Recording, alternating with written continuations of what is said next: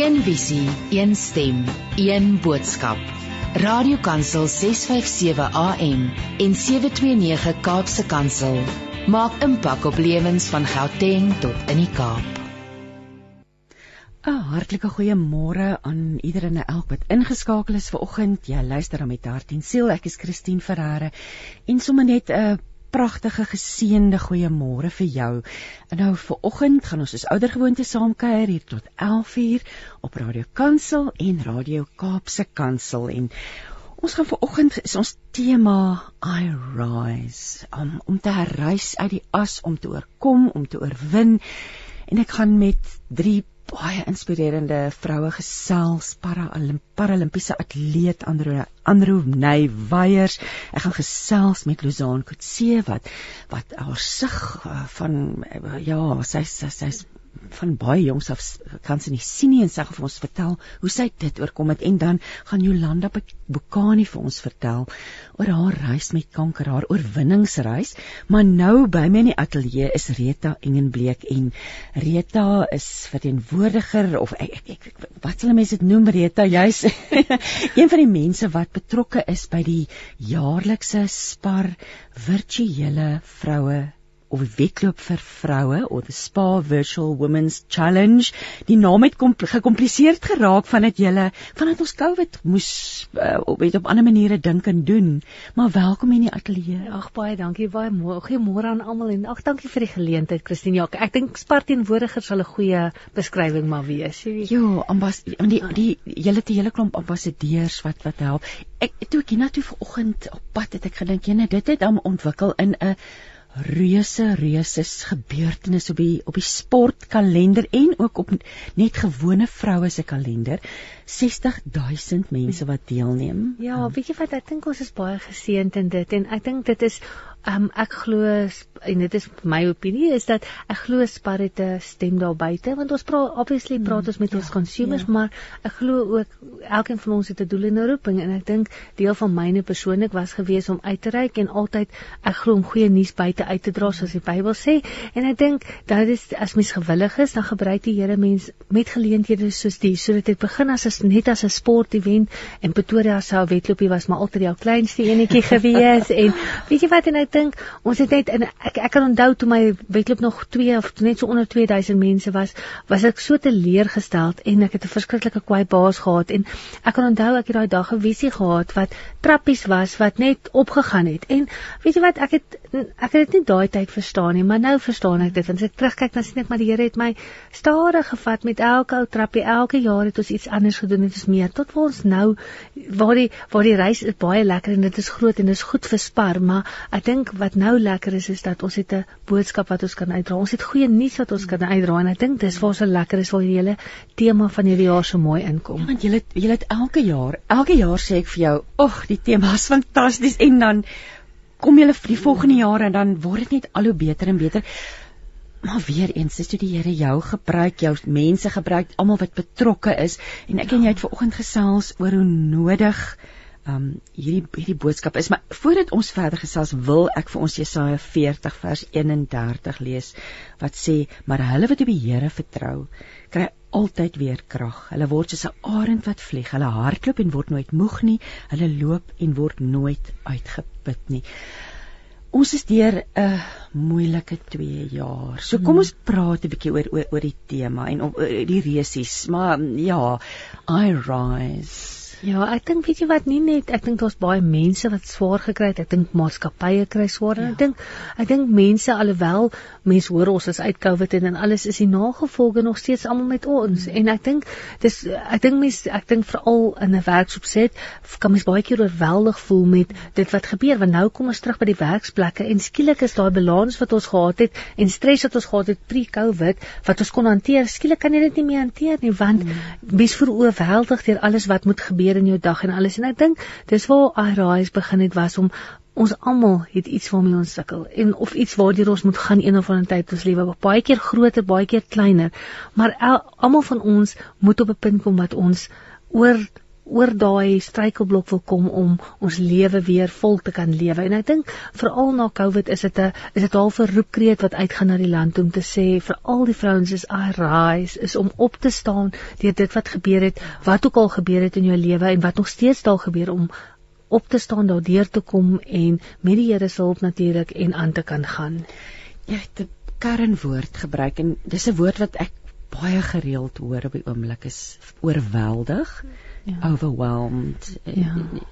Dat mense oorweldig voel. Ons moet ons moet nou moet ons weer soos jy sê heeltemal weer anders leef, maar die woord beloof ons en as 'n mens gaan begin kyk na skrif oor oorwinning. Ja. Dan weet jy mense staan eintlik verstom oor die Here se goedheid. Dit is so. Ek het ver oggend terwyl ek sit en wag het dat ons gaan begin met ons program met ek sit en kyk na julle tydskrif ehm um, wat julle uitgee spesiaal vir die resies en daar's sulke wonderlike getuienisse daarin, sulke kragtige woorde oor wat kan 'n mens doen om om boeie omstandighede of bo dit wat jou oorweldig uit is. Ek ek lees die die een van julle ambassadeurs sê daar's vier paar oogies wat vir my dop hou. so uit die aard van die saak, mense is 'n voorbeeld vir jou familie en wat beteken die tema vir jou persoonlik? Weet jy wat, ek dink ehm um, vir op hierdie sta ek dink dit is dit is 'n journey waardeur mens gaan. So ek weet baie kere het dit vanaal iets anders beteken, maar op hierdie stadium van my lewe op hierdie oomblik beteken dit uh, is dat ek 'n besluit, elke besluit wat ek maak, is 'n besluit wat ek maak om te oorwin. En weet jy wat ek nie uit vanoggend gedeel en ek het lekker daaroor gelag waar ek vanoggend geval het en waar ek ek het 'n boks gedra en ek het gestruikel en ek het geval, maar ek moes 'n besluit maak om op te staan want ek onthou ek het daar gesit en een na my vingere seer en my knie geseer, maar ek moes 'n besluit maak om op te staan, die ou goedjies terug in die boks te sit en aan te stap. En dit begin met 'n besluit. En eh, en ek luister na so 'n mooi reeks wat oor gaan wat sê die Here wil so graag intree en hy wil so graag vir ons verlos en en en ek dink oorwinning gee, maar oorwinning begin met 'n besluit. En 'n besluit wat ons maak iewers, jy weet, om iets anders te doen of om iets anders te sê of om iets, weet, mens kan nie in jou ou gewoontes aangaan en verwag die Here moet my so los. En ek dink vir my persoonlik is dit ek moet sekere besluite in my lewe elke besluit wat ek maak moet 'n besluit wees van kies ek oorwinning in my lewe? Nou is hierdie besluit wat ek maak 'n oorwinning 'n besluit of is dit 'n besluit wat my gaan terughou in dit wat my al jare kan terughou? Jy weet so ek dink dit is dit is moeilik en ek dink nie uh, om 'n besluit te maak om uit jou gewoontes uit te kom wat vir jou eintlik vashou is 'n baie moeilike besluit want dit is vir ons baie makliker om vas te hou aan die goed wat vir ons weet bekend, bekend is, ja, en ja. en 'n gewoonte is en ek dink vir my is die uitdaging om om besluite te neem wat vir my vat na dit die oorwinning wat die Here graag vir my in my lewe wil hê. En daai besluit nê, nee, dit is want die woord leer ook vir ons vernuwe jou denke. So Ek wil 'n bietjie praat. Ek voordat ons verder gesels, wil ek net vir ons luisteraars sê, ag geskeuier saam, gesels saam met ons stuur vir ons 'n WhatsApp 0826572729. Ons tema vandag is I rise. Ek oorwin.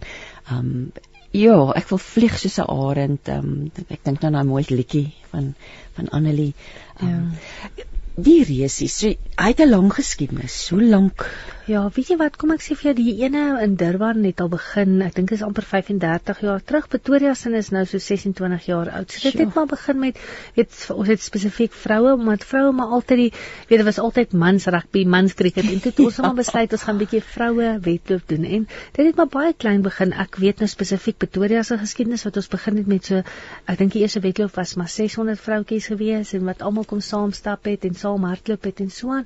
En so met die jare het dit gegroei. Natuurlik natuurlik voor Covid was Pretoria een van die grootste wedlope. Ons het so net so oor die 22000 mense gehad en dan nog spectators en weet jy wat ek dink daar's 'n gevoel almal mis die die actually event en om saam ja, te wees ja. en om deel te wees van iets en so aan.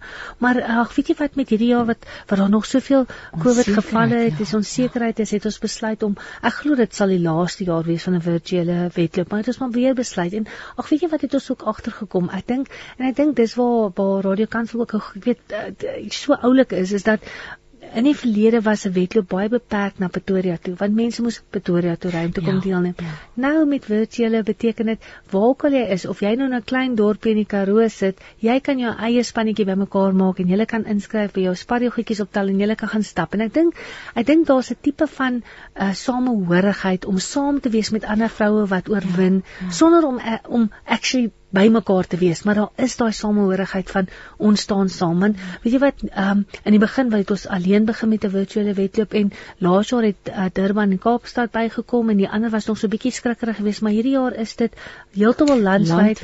Namibië is deel daarvan ook. Ons het vroutjies, uh, Zanti Swanepoel wat ook 'n omroeper is op ehm um, kansel, sy het ook 'n programmetjie. Sy het vrou wat wêreldwyd stap vir vir allerlei projekte en so aan en hulle stap ook weet saam om met hele iRise huis te gaan en alles. So ek dink wat vir my lekker is is dis groter as ek. Dis nie jy weet dit dit, dit begin dalk met 'n met 'n gedagte net maar die Here het die vermoë om iets te vat en dit groter te maak as wat ons ooit dink. En ek dink dis ook 'n mooi boodskap van iRise is dat ja, dit begin partytjie net 'n net met 'n besluit om op te staan of net net te besluit om aan te gaan, maar die Here kan dit vat, daai klein besluit, daai klein mostersaadjie en dit groot maak en groot verandering wat wat buite jou eie denkwyse is teweegbring. Ek dink jy mens besef altyd wat se impak het jy op ander mense se lewens nie maak nie saak waar jy is of jy nou op 'n plaas woon in die Karoo of jy in die stad bly of as jy 'n omroeper of wat soos julle wat met soveel mense te doen het met daai besluite wat jy maak en ek dink ons het regtig die samehorigheid nodig. Ja. Ek dink ons voel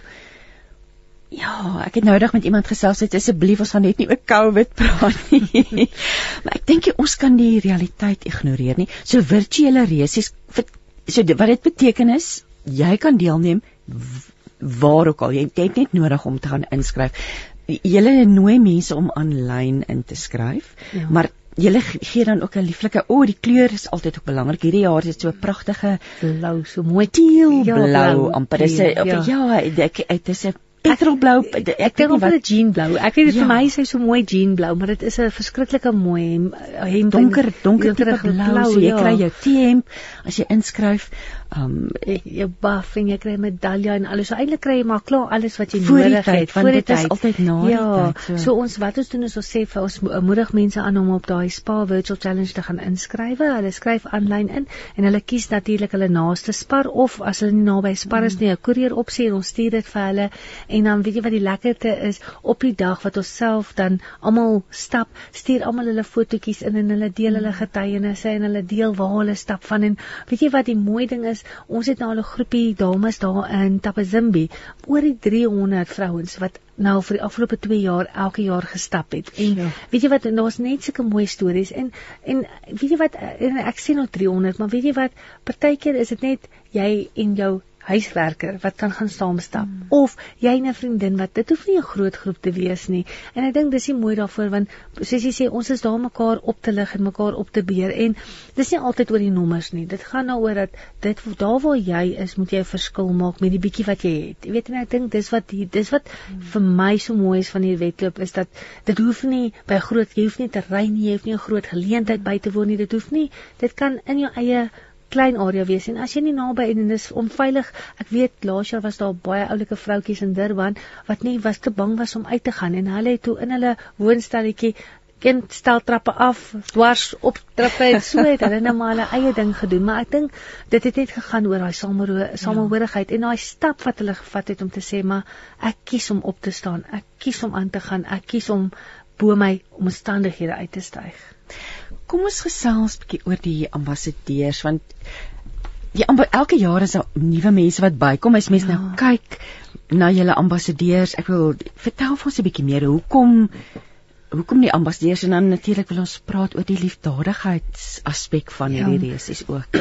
Boonbehalwe dat dit 'n wonderlike tema eh, bied elke jaar vir ons om aan vas te hou en bietjie bietjie net nuut te dink is dit ook uh, uh, ten bate van liefdadigheid. Maar kom ons praat 'n bietjie oor die ambassadeurs.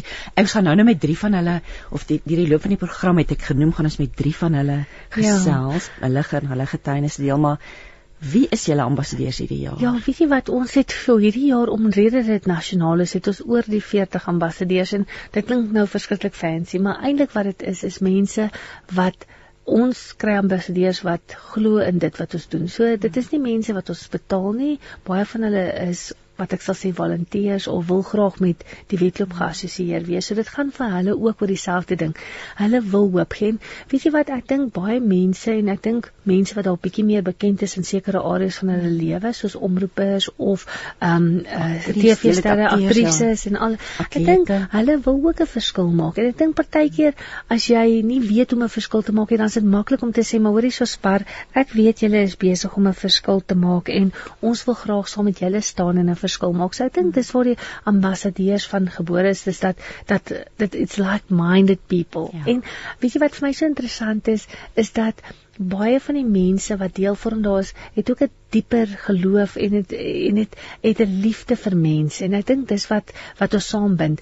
Um daar van daar's van Donalina Lindy Strydom. Nou weet al die ou bekende ou gesiggies is daar so en ons soos ek sê dan sal die nuwe gesiggies dan wat ons doen is elke jaar saam met ons tema as ons besluit op die tema dan kies ons mense wat juis daai daai tema half uitgeleef het. En dit is waar daai drie dametjies nou inkom wat jy wat jy noem uh, weet waar die enetjie blind is en die ander enetjie het 'n 'n armpie wat kleiner is en maar almal van hulle het opgestaan en ek bedoel Jolande hmm. het 'n verskriklike mooi storie en almal van hulle getuig van die liefde van die Here en hoe die Here hulle gehelp het om om bo hulle omstandighede uit te styg. En ek dink partykeer het mense net nodig om dit te hoor van iemand anders net om weer te besluit maar hoorie ek kan na volgende stap neem ek kan na besluit neem so ek dink dis wat die ambassadeur so spesiaal maak want dit kom uit nie net uit ons monde uit nie maar mense wat ook daar was baie keer en ander mense wat ook net wil deel wees daarvan om 'n verskil te maak in ons land ja en ons kan so vasgevang raak in ons eie klein wêreldjies dis ja. eintlik lekker om te hoor en te sien wat ander mense doen. doen voordat ons oor die die organisasies wat julle ondersteun die die die sake wat julle ondersteun wil ek dit was my so mooi daar's ook 'n artikel in oor hoe om te oorkom hoe en dit is so amper geskryf vanuit die oogpunt van 'n atleet en ehm um, ja the power of recovery en ehm um, wat vir my so interessant was julle skryf in julle tydskrif ehm um, dat jou jy moet na jou lewe amper kyk as 'n boek en dan sê hulle jou dag is 'n sin Jou week is paragrawe, jou maande is hoofstukke en dan die jaar is die boek. En dan die belangrikheid van rus. Hulle vra die vraag as jou dag 'n sin is, waarmee wat is die wat is die punt aan die einde van jou sin aan die einde van die dag, nê? Nee, die Ja, en ek dink ek dink weet jy wat in die die die die die ding is mens vergeet al hierdie klein dingetjies. Dit is eintlik goedjies wat ons weet. Mens weet mens moet rus. Mens weet al hierdie mens moet tyd maak vir dinge, maar partykeer en ek dink dis waar die die groot ding nou inkom met balans in na hierdie COVID is om dit raak weer so besig dat mens half daai goedjies vergeet. Nee, ja, voel of ek het trend elke week sê ons moet nie vergeet wat ons geleer het nie. Ja. Daar was 'n rede daar. Ons weet die Here is in beheer van alles en daar's 'n rede vir elke ding om te gebeur. Ja, verseker. Ons kan dit nie vergeet nie. So maar ja, maar ons moet ook weet dat ons kan weer opstaan. Mooi Japanse of Japaneese, ja, ek sien die regte korrekte manier is om sê Japanse spreekwoord wat sê of val ek 7 keer, ek staan 8 keer op. op ja. En ja, met daai uitdagings in die gesig te staar en te weet, weet jy, of selfs nie is dit nie net die krag en die Here gee ons daai krag. Krag, verseker. Daar's so 'n mooi stukkie en ek dink jy het moet dalk daar by jou wat sê die Here help almal op wat val. Ehm um, kom ons kyk gou 'n bietjie. Ek het ons het daar sê dit is Psalm 145 vers 14 wat sê die Here help almal op wat geval het. Hy ondersteun die wat bedruk is. Die Here is naby almal wat hom aanroep. En dis wat my so mooi is nou. Ja. 60000 vroue Ja. Die Here hoor ons elkeen nê. Ja, seker. Die die saak wat jy ondersteun. Ek weet jy werk daar een van die goedes die Petals projek nie ja. waar. Weet jy wat jong, kom ek sê vir ons doen ons Spar is alles oor gemeenskappe en jy weet hierdie is nie vir my soos 'n advertensie of om Spar goed te praat nie, maar weet jy wat die ding is, ek weet omdat ons daar werk is dat Spar het 'n hart vir sy gemeenskap en ons probeer 'n verskil te maak. Daar's nie een projek wat ons aanpak wat ons nie probeer om 'n verskil in die gemeenskap te maak nie. En hierdie is nie verskillend nie. En ag weet jy wat dit is vir, vir die pedal projek is daar so om sanitêre ware vir meisies te verskaf wat dit nie kan bekostig nie. Mense vat soveel van dit vir van selfspreek kind, maar daar is 'n groot behoefte daarvoor. Jy weet so, daar dit is een van ons groot projekte. Dan doen ons ook definitief gen uh, end gender based violence wat ook 'n groot ehm um, fokus is. Ons het gevind met COVID was dit ook 'n groot probleem. Dit was dit, dit, die, die die getalle wys daar was definitief 'n uh, vir ehm um, increased hoeveelheid getalle weet aan aan uh, meldings daarvan. So dit is ook een van ons grootes en dan iets so eenvoudig soos renosters. Ons het 'n organisasie wat na renosters kyk en wat so mooi is hierdie een mamma renoster, ehm um, na sy ehm um, aangeval is om haar horing, het sy oorleef en sy het nou 'n klein kalfie en dit was vir ons so mooi teken ook van IRIs en dat dit in natuur voorkom dat daai hele IRIs tema. So ek dink dit is 'n dit is 'n wye hoeveelheid van projekte wat ons ondersteun om 'n verskil te maak. En weet jy wat partykeer ek, ek dink nie ons noem alles nie, maar weet ek dink vir ons gaan dit daaroor om daai verskil op die einde van die dag te maak.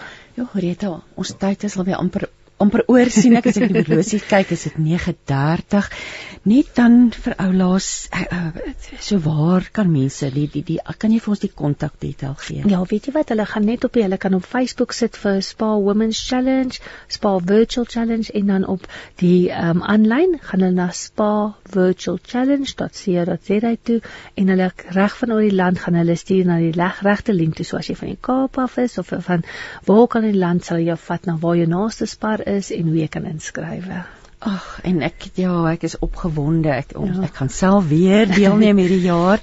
Ek dink dit is ook al 'n hele paar jaar wat ek elke, elke jaar stap en ja. So 'n wonderlike voorreg om om om dit te kan doen. En natuurlik die gesondheidsaspek daarvan ja. is so goed vir ons om dit, is lekker. Weet jy wat is lekker om deel te voel. Ek dink wat die lekkerste was laas jaar vir my ek moes gou-gou by Wolwespruit 'n uh, hempie vir iemand gaan aflaai en dit was vir my so mooi te sien al die mense soos ek gery het al die vroutjies saam in groepies mm. en alles. En jy vind tog daai daai daai samehorigheid jy voel dit op die dag. Jy jy beleef dit. En ek dink dis iets spesiaals wat jy nie vir iemand kan verdui verduidelik nie. Daai daai absolute geseëndheid om deel te wees van iets groters as wat jy is. Ja. Wat net en en ek soos wat ek kan onthou in die verlede, wel daar's mense wat in rolstoele deelneem. Daar's ja. Daar's 'n paar mans wat ook deelneem, ja, dis baie.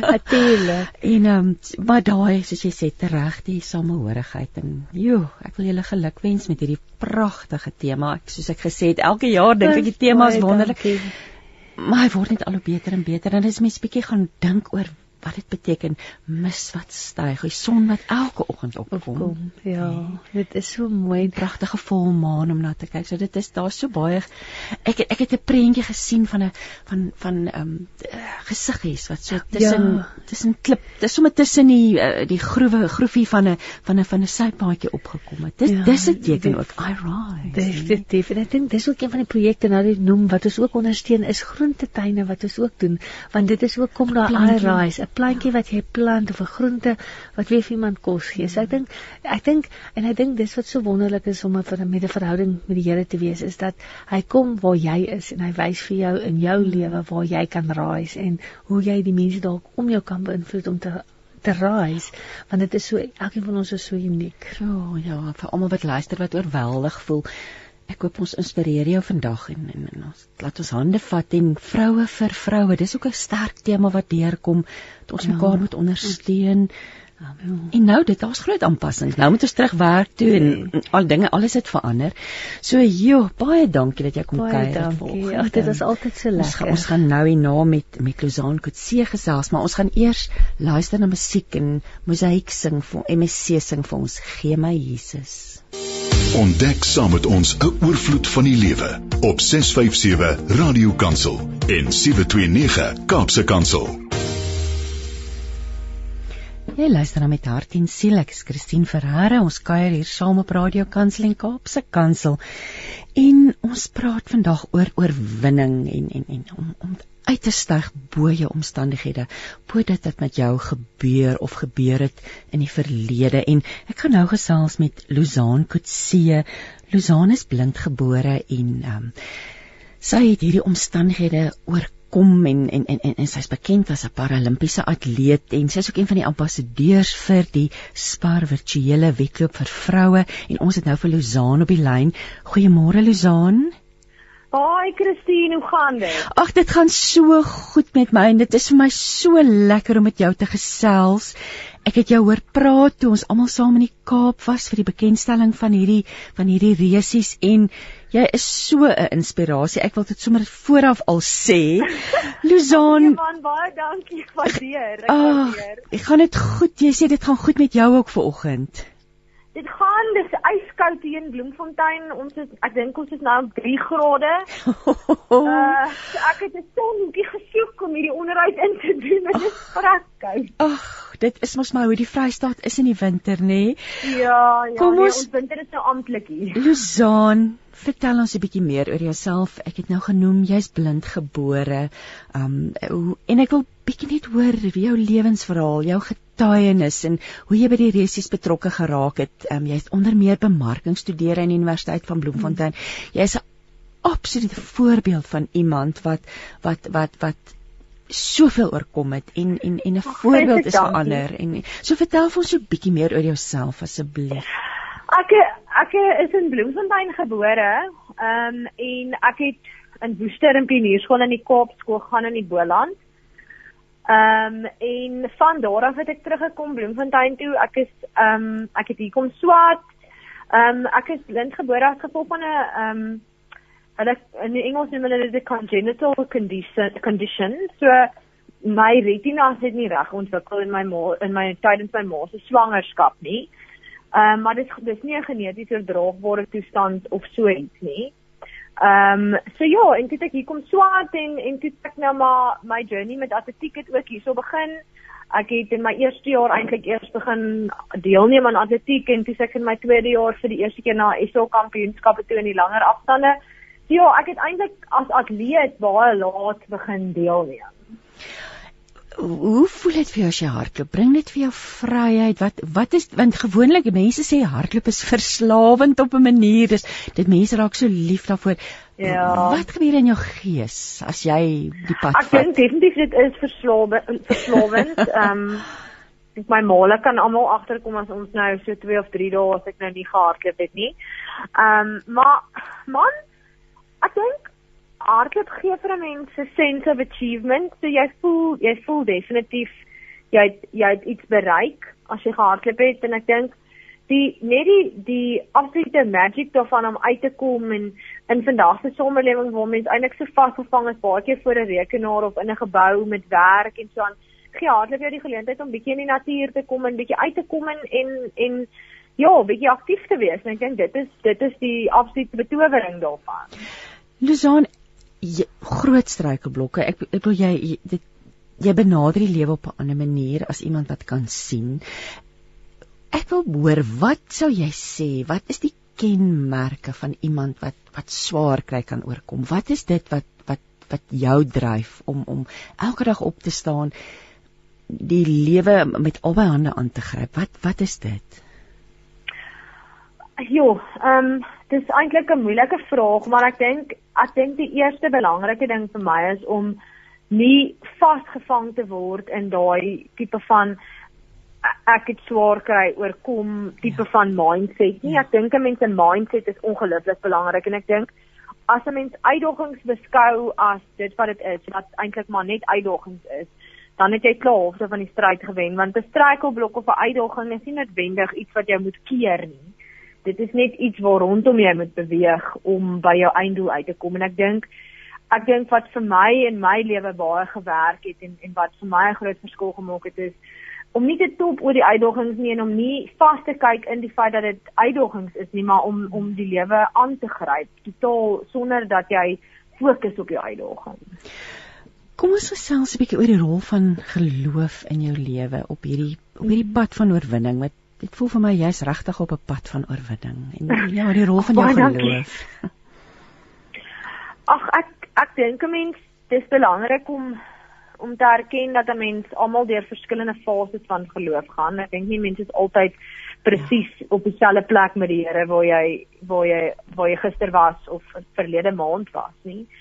En ek dink om daai seisoene van geloof aan te gryp en om te besef, mm. ja, maar partykeer gaan ek nie lekker voel nie en partykeer gaan ek kwaad wees vir die Here en partykeer gaan ek bietjie met hom nie saamstem nie, maar om daai pad te stap met die Here en om in jou verhouding met die Here daai goedjies met hom uit te stryk en en om om altyd seker te maak daar's 'n oop band tussen jou en die Here en om te besef hy hy is die een waar waar na toe jy moet draai. As dinge moeilik gaan, maar ook as dinge maklik is en as jy vir hom op die dag op party dae op eintlik elke dag, maar sê vir hom dankie wanneer jy vir hom wil sê dankie en en dis maar ek dink dis die belangrikste ding. 'n Mens moet 'n mens moet vrymoedig wees met die Here en hom vra vir goed, maar jy moet ook vir hom dankie sê wanneer wanneer hy vir jou beloon met iets. En ek dink om daai bande met die Here oop te hou en te besef as 'n mens bietjie verder van die Here af voel om om nader te gaan en en bietjie meer tyd te maak vir hom en dan ja, ehm um, net jouself weer in hom te wortel is, is vir my belangrik. Kom ons praat 'n bietjie oor jou betrokkenheid as 'n ambassadeur. Dit is die eerste jaar wat jy as ambassadeur optree vir hierdie resies. Hoe dit gebeur? Ja, dis eintlik so lekker. Ek geniet dit verskriklik.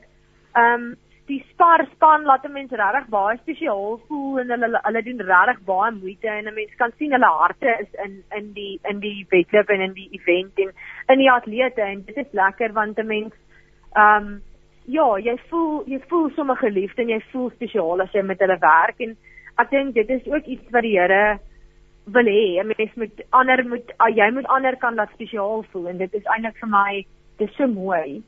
Ehm um, maar ek het my gids, een van my gidse wat saam met my loswaar by die Paralimpiese spele was, Klaus Kempen wat die maraton saam met my gehardloop het, het eintlik vir Spar gekontak en my amper wil ek soort van op 'n manier genomineer as ambassadeur. So dit was eintlik dis hoe ek betrokke geraak het en Jenny van wat wat die hooforganiseerder is en die hoofkoördineerder van die ambassadeurs was was regtig opgewonde om my aan boord te kry en sy broer het besluit om my te nooi om 'n ambassadeur te wees en dit was regtig net hoe dit begin het en, en ek is so bly ek het hierdie pad saam met hulle gestap en ek sien uit vir wat voor lê.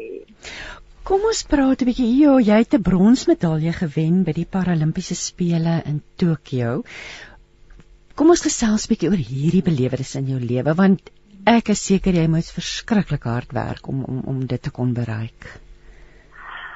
Ja, So dis nou 'n voorbeeld van arise. Jy het jy moes Dis maar jare se vroeg opstaan en hardloop en dis maar jare se vasbyt. So ehm um, nee, mens ek dink enigiets wat die moeite werd is, moet 'n mens maar hard vir werk en en hierdie is definitief een van daai geleenthede en en ehm um, 'n mens moet die geleentheid waardeer ook vir wat dit was en wat dit is.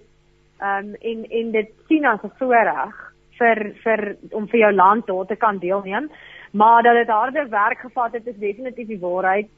Ehm um, en 'n mens moet maar baie keer opofferinge maak en atletiek voor ander goed in jou lewe stel. So ehm um, ja, maar nietemin, dit was alles jy moet werd en dit was 'n groot belewenis en soos ek sê, groot voorreg om vir jou land te kan deelneem. Dit was dit was 'n amazing ervaring en ek het ook ag skus as ek praat nou baie maar ek het ook nogal 'n pad gestap met die Here want 'n maraton is vir my nogal 'n dis baie ver en dit is vir my nogal nog altyd 'n vrees aan Johanne wedloop ek het 'n paar moeilike maratonne agter die rug en hy het my in Tokyo net gebless met 'n absolute fantastiese reis um, en op die dag het alles bymekaar gekom en dit was eintlik so spesiaal want Klaus het nog altyd vir my gesê hy wens my 'n maraton waar alles net regloop van die begin tot die einde en dit was daai dag en wat mens kan nie 'n beter dag kies nie. Ja. Ek kon nie 'n beter dag gegee het nie.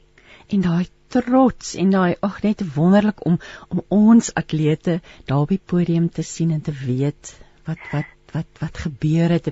En jy jy noem dat jy jy het vir 6 jaar saam met geoefen. Het jy jy het 6 jaar gelede eintlik al begin oefen met die met hierdie ingedagte nê. Ja, definitief. Ek en my afrigter op daai stadium het al in 2014 begin praat oor 2020. So dit was maar 'n lang pad.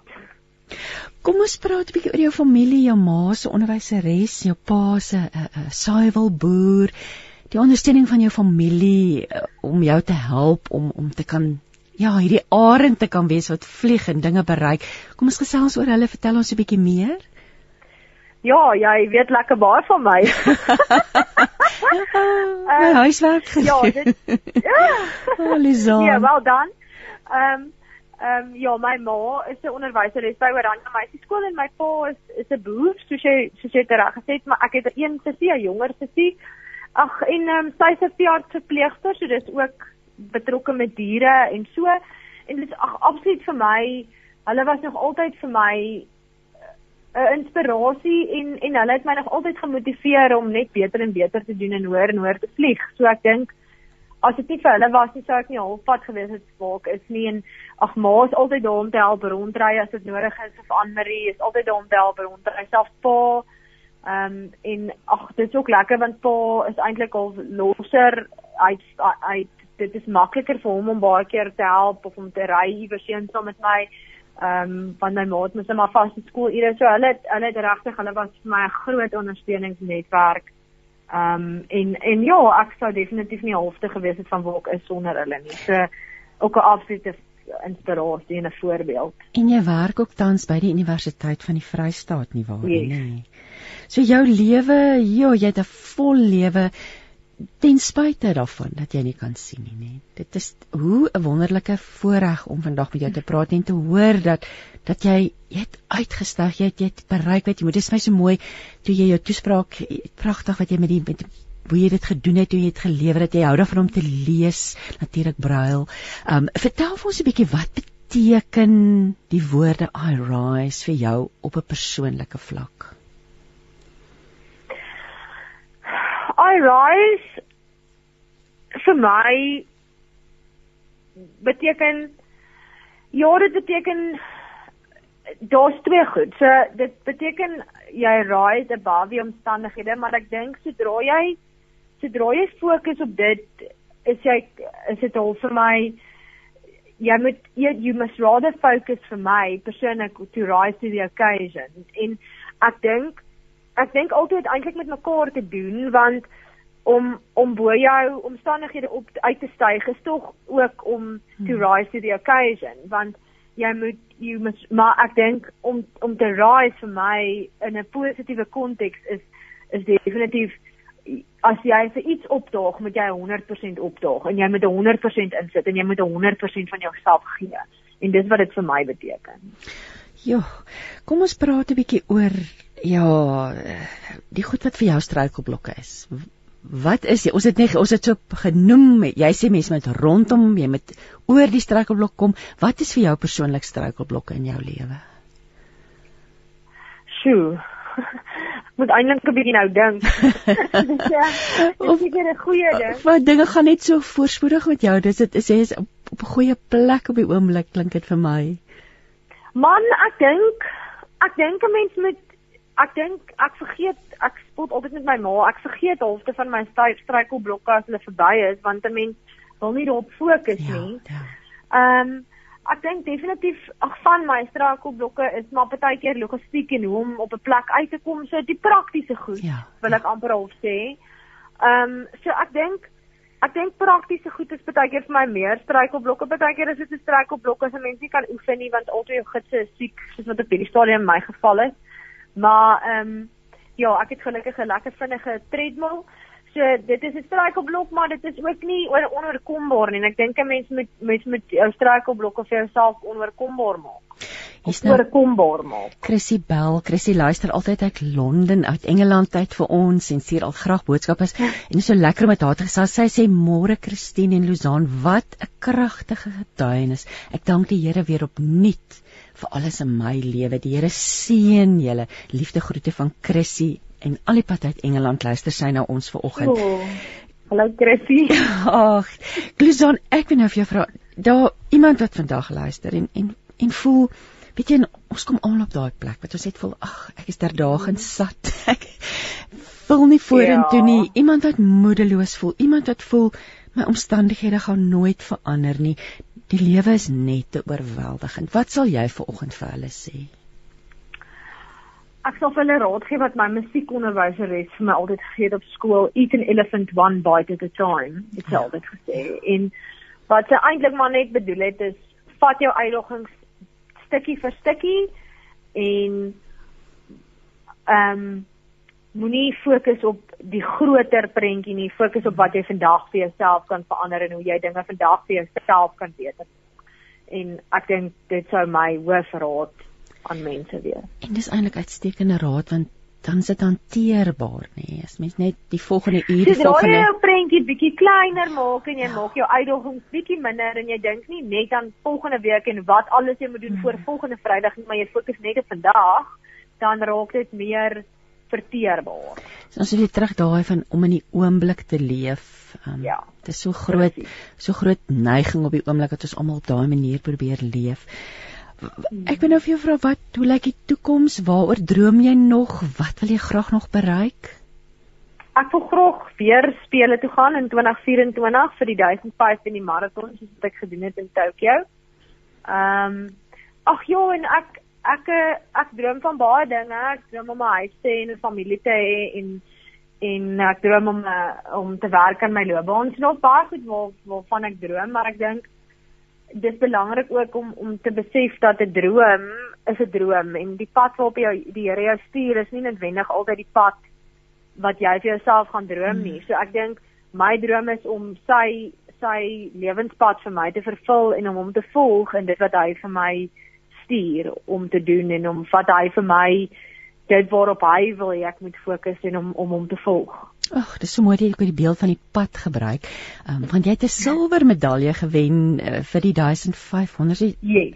So dis daar's twee, dis die lang pad en die korter pad wat jy wat jy vat, maar jy kies wat die lewenspad wat God jou op wil sit.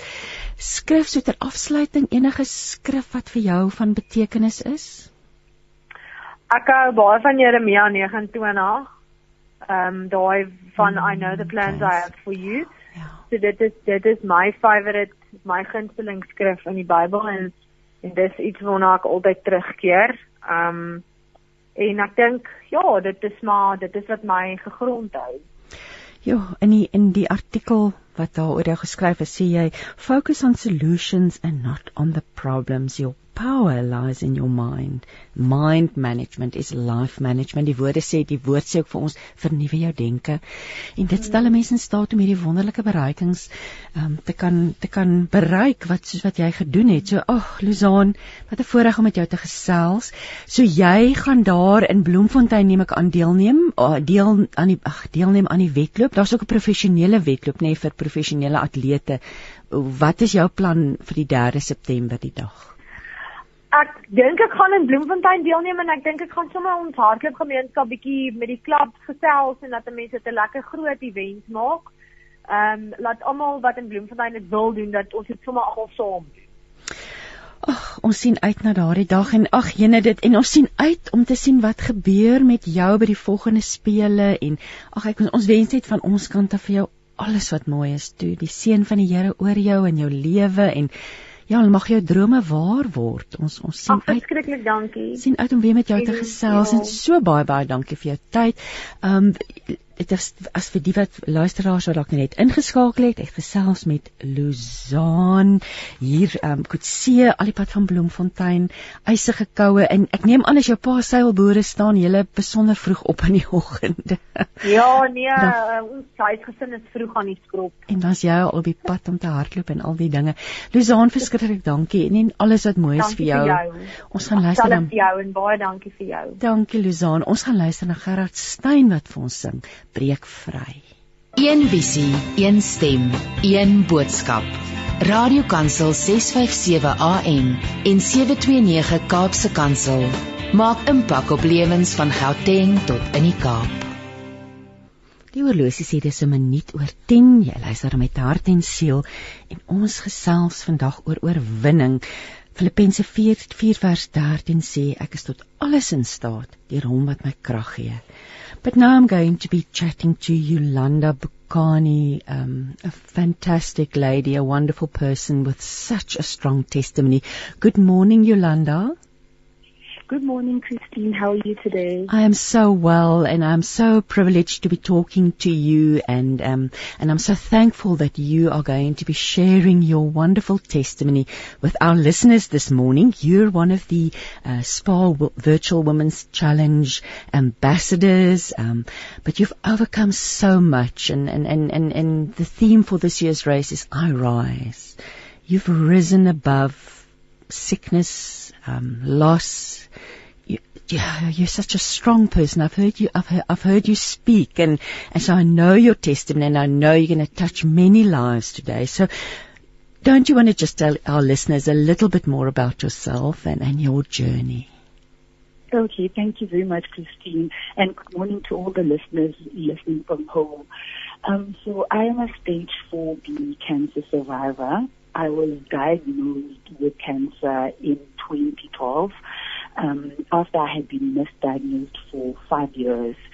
So it started when I was still in high school, where I found this lump growing under my armpit, and it was it was a very uncomfortable and sore lump at the time. So um, my mother um, immediately took me to our doctor to have a check out.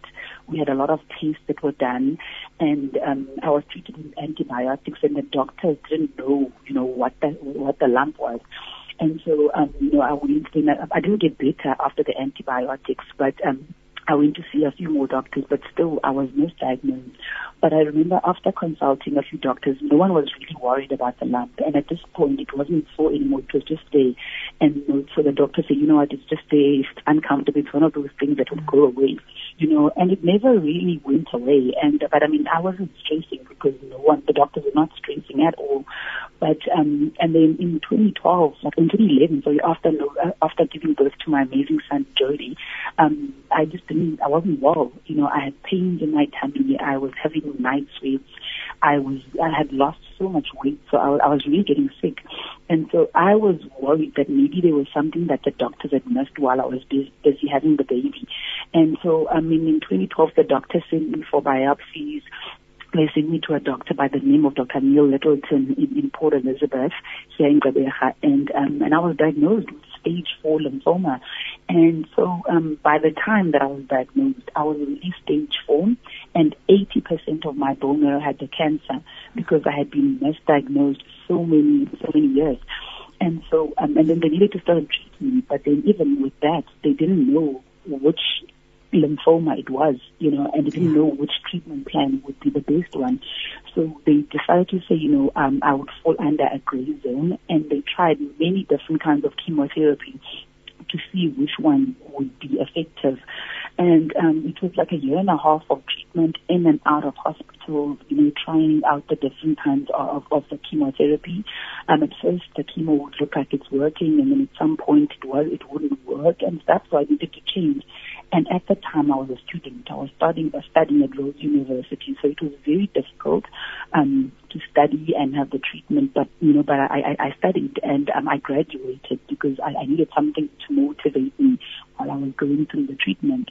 And then after a year and a half, the doctor actually said that I needed to have a stem cell transplant because um, I had been at such an advanced a stage of the treatment.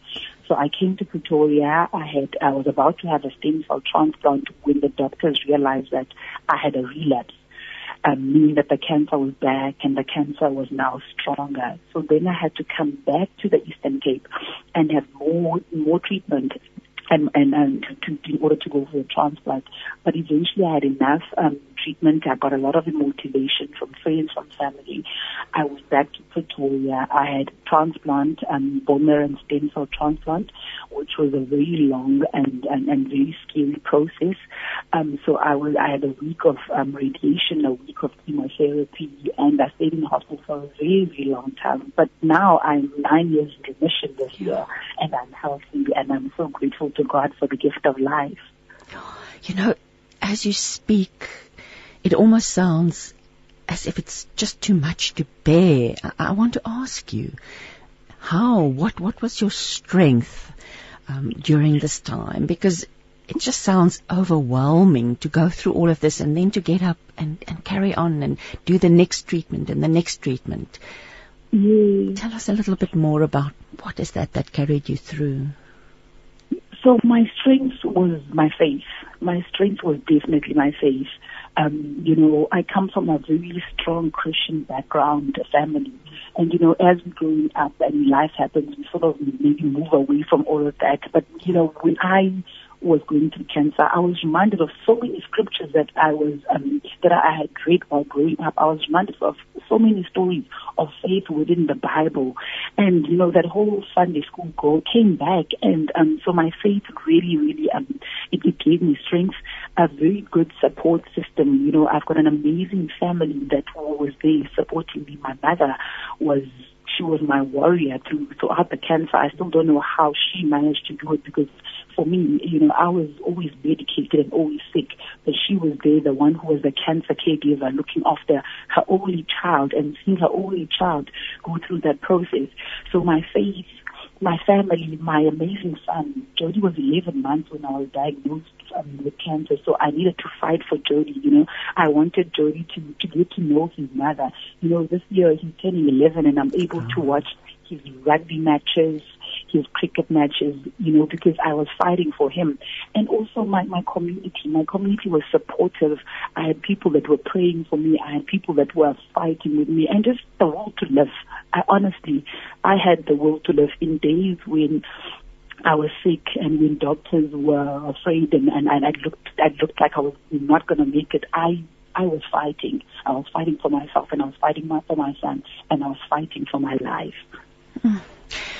You told a story about even during your studies when you had to write an exam and, and you were sick and Yolanda tell us a little bit about that that phase in your life where you, you know because you you studied law and um, mm.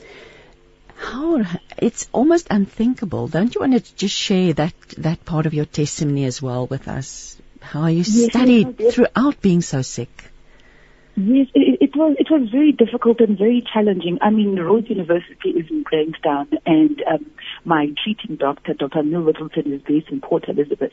So that's like an hour and a half drive um, every time I have to come for treatment, you know.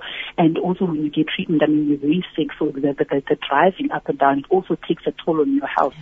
And also, I mean, I was doing legal studies, so I had law cases, I had uh, I had um, assignments, I had so much work to do. So what I would do is I would travel with um, my laptop and my books, and they used to actually just we used to joke about at the hospital, you know, that I was the academic of everyone, and that, that the other patients would support me. I would be there having my drip uh, for the chemotherapy, and I would be busy doing my, my, my assignment and work.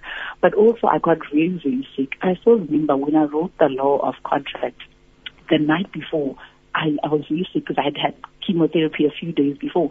So um, I was studying with a blanket next to me. So I would study and then I would get sick, you know, um, and I would get weak and I would get nauseous and I would take breaks and I would take a nap you know, and then I would also need to get up again, and then I would need to study, which was it was very difficult and very and, and very challenging. But but I used to pray a lot, and, and you know, and so I, I managed I managed to study, and also Rhodes University, they were amazing, they were really amazing. I had so much support um, from the law faculty. So when I wrote my exams, I wrote my exams in isolation. So they would give us a room for all the learners that had challenges and disabilities, so you could actually sit there and um, whatever it would be comfortable for you. So even while writing exams, I had a bucket day because obviously with um, with chemotherapy you you get too you, you get sick, so you throw up, and you have all of those uncomfortable um, situations. And so the university didn't want me to to have that fear of writing in a space where I can't,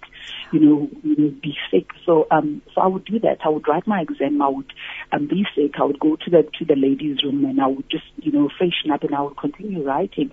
And I, I and you know God makes things work in a mysterious ways because that year I produced the most amazing marks that I had, I had ever received in my whole academic career at Rhodes, um, to such a point that for the following year I got a scholarship to continue with my LLB. So it was a, year of, of, of challenges, but a year where God just showed His power. Oh, amen, amen to that. Yolanda, you are an absolute exemplary example, a perfect example of, of, of somebody who actually embodies the theme of this year's race that we're talking about today, I Rise. What does that mean? If you hear that the word hashtag I Rise, what does that mean to you personally? I, I love it. I, I love it. Um, I don't think um, SPAR could have chosen a better um, theme for this year than hashtag I Rise you know, we as a country we have come through so much. Um, the past two years has been scary with COVID. You know, we have lost loved ones. We have lost families. We've lost businesses. People are retrenched. You know, there's so much poverty. It's, it's scary. There's so much unemployment you know, because of COVID and other incidents. And also, you know, we've had looting, we've had flooding in COVID, and we've had all of these things that have been so difficult on a country. To have a theme like I Rise gives hope. It gives hope to so many people around not just South Africa, actually the entire world, because it says we will overcome. And for me, I rise means to overcome. It means that whatever we are facing, we will still rise above it and and I love it. It's literally I've taken it as now my personal hashtag that you know what hashtag I rise in whatever situation because you know even post cancer life is still not easy. You know um when I was diagnosed obviously I was a, a, a young lady and now because of the amount of treatment that I've had I'm actually in a medically induced menopause. So I'm a 33 year old who who whose body and hormones are not 33. So you know, so I struggle with quite a lot. But I always say I will rise. You know, there's post-cancer depression, but even that, you know, I still fight because I believe that I'm stronger than cancer. I'm stronger than depression. I'm stronger than menopause. I'm stronger than all of these things that have been sent into my life to defeat me, and I will always rise above it. Absolutely, by the power of God and the Spirit that lives inside you. The words gift of life just comes to mm-hmm. mind. Um, how has this journey change the way that you see life? Definitely. I mean, definitely. Like I said, I was a young student at the time. Um, and uh, yeah, so, you know, when you're young, we just live. Mm-hmm. Now, I have reasons to live. Like I think I've been on this journey has taught me so much. It's taught me that life is short. You know, we, we seem to think that when you are going through challenges, those challenges would last forever. But when you go through something like cancer and you've come so near to death, you realize that all of these things that we are facing, those are things that are temporary, that it's just seasons that we are going through. And you wake up grateful. You know, um, people are always asking, Yolanda, you are always smiling, you are always laughing, you're always so full of life. When do you ever have a bad day? And I always say, if you think you are having a bad day, go to your nearest hospital or clinic and go go go visit a hematology or an oncology ward where you see people lying on hospital beds mm. and they are, they are they are tied to these drips that they are having chemotherapy. They are looking outside. They want to go outside, but they can't. So for me, it's changed my perspective. I live my life now. I, I do bungee jumping. I spend my time outdoors. I spend as much time as I can with Jody, you know, because that is what I've been praying for, so that I can have all of this time to, to deal with my son. So I appreciate everything. You know, we, we tend to take things for granted, like walking um, along the beach. Those are the things that I missed most when I was in Pretoria in isolation, because I grew up uh, in, in Kenton. So I would miss miss the, the, the sound of the waves. I would miss the trees. I would miss all of that. So post cancer, I live my life and I live my life limitless and with so much gratitude. And it's definitely, it's a gift to be alive. Honestly, mm. whatever you're facing in your life, it's a gift to be alive. Oh, what a privilege to be listening to you and what an inspiration for all of us. Oh, I actually want to cheer and clap my hands, but we're on air now, so it's going to sound really strange.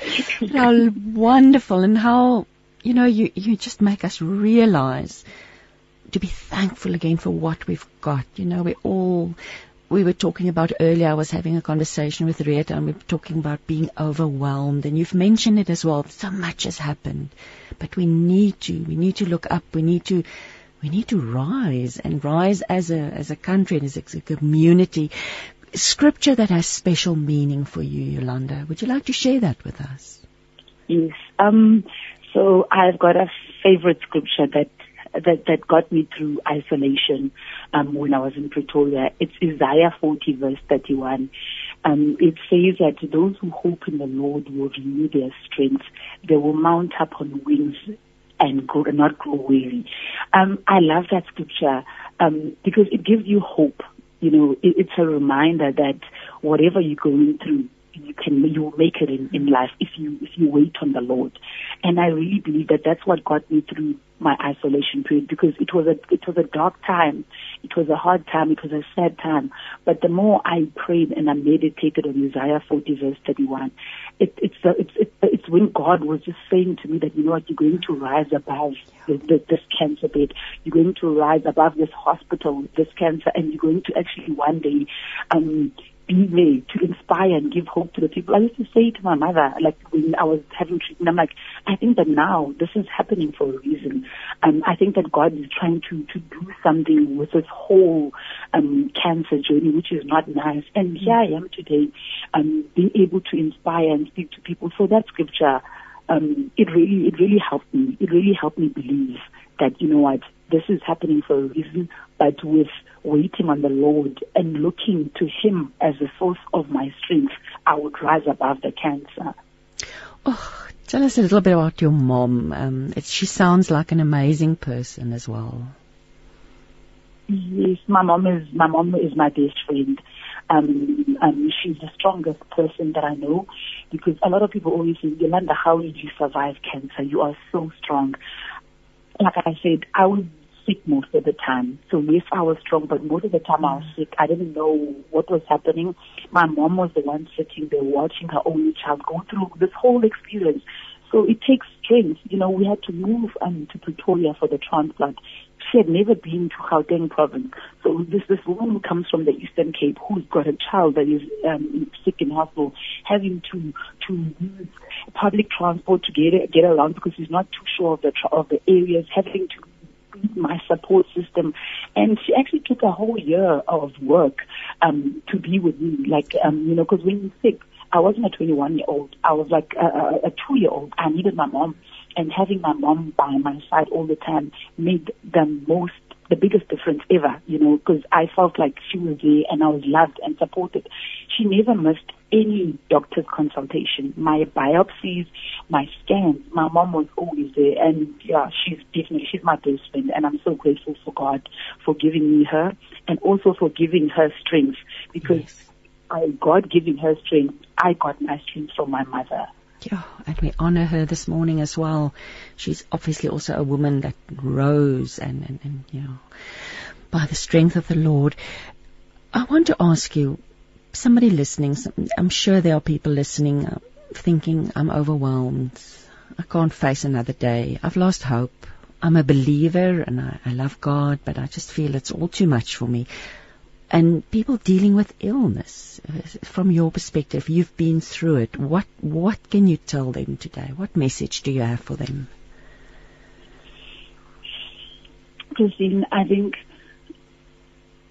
the message that I would give to listeners and people that are facing illnesses that are facing any challenges in life right now is not to give up hope I know a lot of a lot of people say this, and we think, oh, you know, it's another. Don't give up hope. Keep on praying. Yeah. But honestly, lying in that hospital bed, I prayed like I never ever prayed before. I needed the, the, the strength that mm. comes only from the Lord. I always say that, you know, medicine is a grace from God, but He alone is our healer. So me, I would say that don't stop believing, don't stop praying, don't give up hope and also to realize that there are seasons in life. Like it, it's a season, things come and they pass.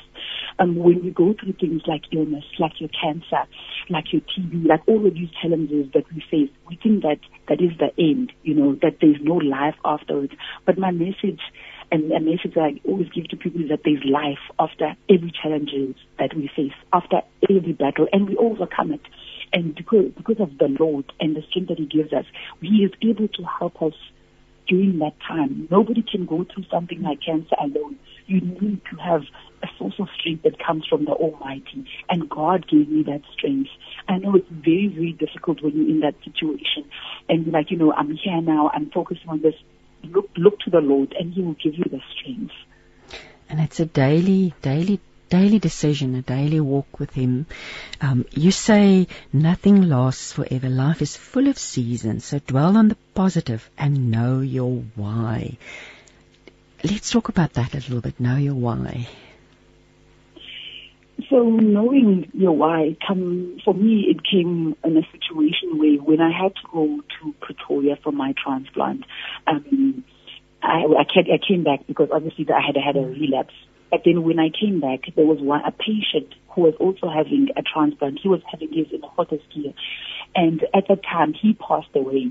And when he passed away, I did something that my doctor told me not to do. I Googled what a stem cell transplant is. So I found um, all these scary things, Christine, about about transplants, about cancer, about everything like that. So I went to my doctor and to tell him that I was no longer going to have this transplant because now I'm scared, you know.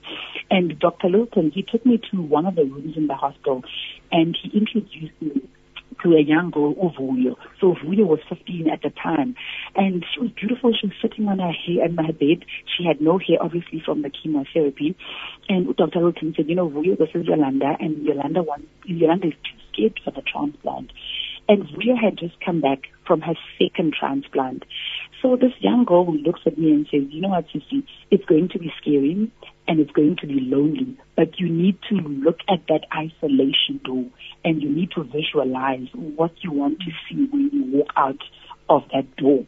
So she was introducing me to the concept of having a why, even without even knowing it, you know, because when she was busy speaking, I could actually visualize myself in that isolation room with Jody behind that door.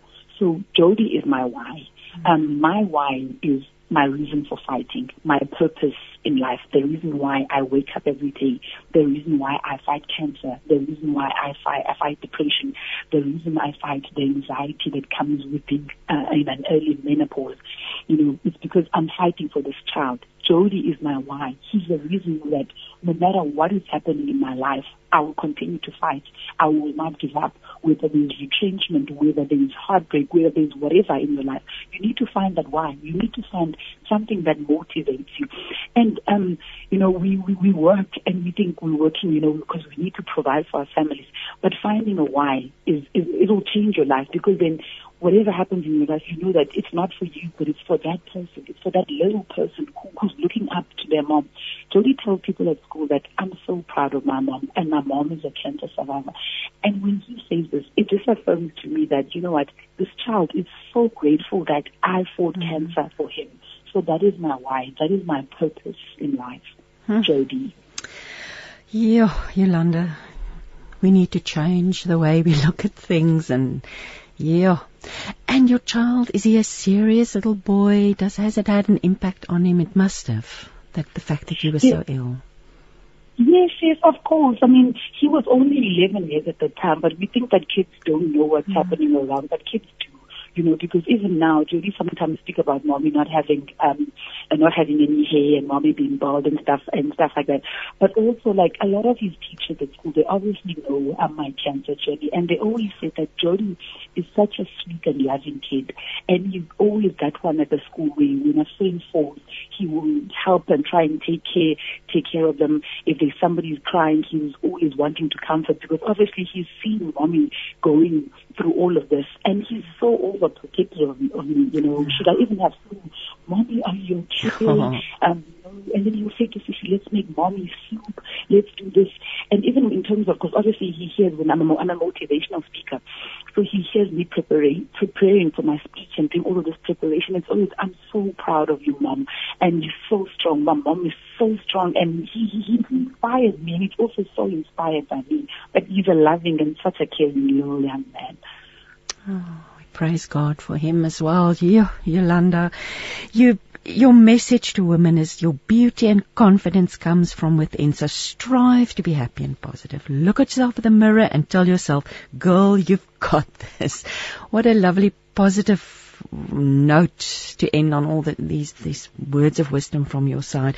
Nothing lasts forever. Um, what does the future hold for you? How how do you approach life now? I am so full of life. I'm always excited for every single opportunity that I get. I'm always so grateful.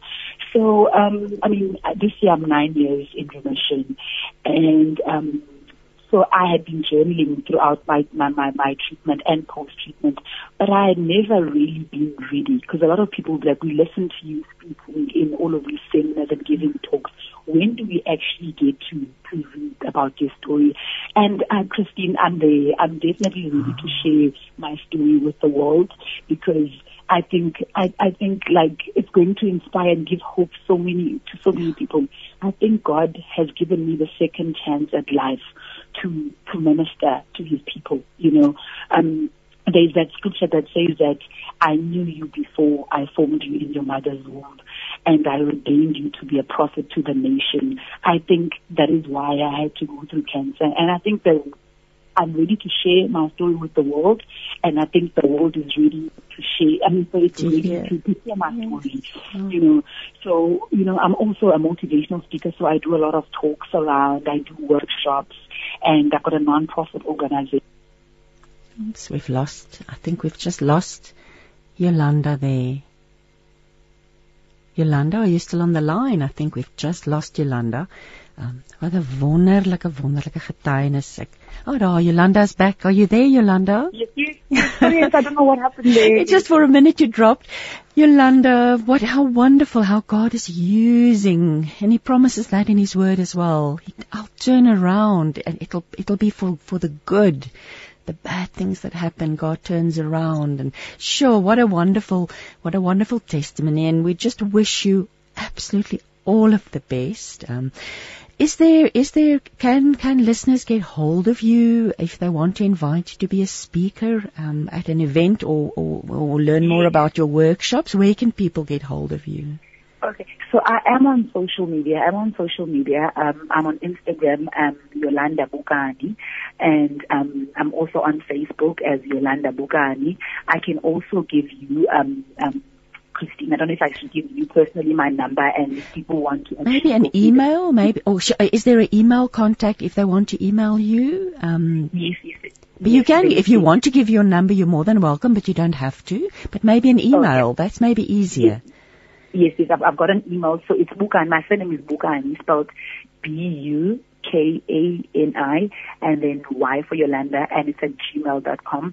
I am busy setting up a, a website so I will share um, those details details as well. So the email address is Bukani, B-U-K-A-N-I, and then Y for Yolanda at Gmail. And then I'm on social media. They can DM me or Facebook me, and it's Yolanda Bukani. Oh, Yolanda. And I just have, I think there, there's also a book. I think you need to be writing a book soon. Sounds to me there's yeah, lots of lots. We just wish you all of God's richest blessings over your life. And we just, yes, pray for good health and just for joy and just that you will touch many, many hearts in future. And um, I just want to thank you for the privilege of, of having a conversation with you on air this morning. Thank you so very much, Christine. It's such a pleasure to be on the on, on your uh, radio station today, and thank you to all the listeners. And I hope that everyone will enter for the Spa Women's Virtual Challenge, which will be happening on the third of September, and we will rise together. Thank you. Oh, amen. That dit was Yolanda Bukani wat met ons gesels het oor haar oorwinningsreis. Ons het tyd vir 'n stukkie musiek. Kom ons luister na Yolani J wat vir ons sing Heilig. Ontdek saam met ons 'n oorvloed van die lewe op 657 Radio Kansel en 729 Kaapse Kansel. Maar hulle wat op die Here vertrou, kry altyd weer krag en hulle word soos 'n arend wat vlieg. Hulle hardloop en word nooit moeg nie.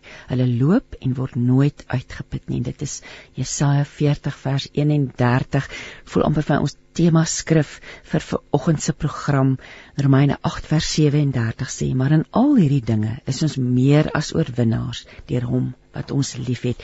En ek het nou die voorreg om te gesels met Andronay Weyers.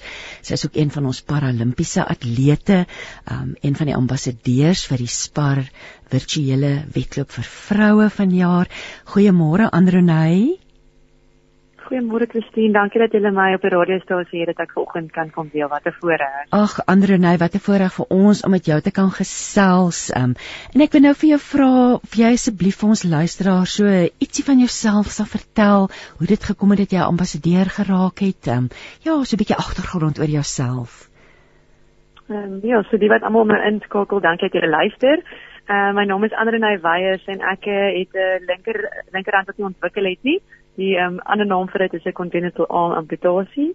En ek het groot geword in ongelooflike huishouding en familie wat my normaal groot gemaak het, maar wat normaal, maar die geleenthede gegee het om daar vir my te wees.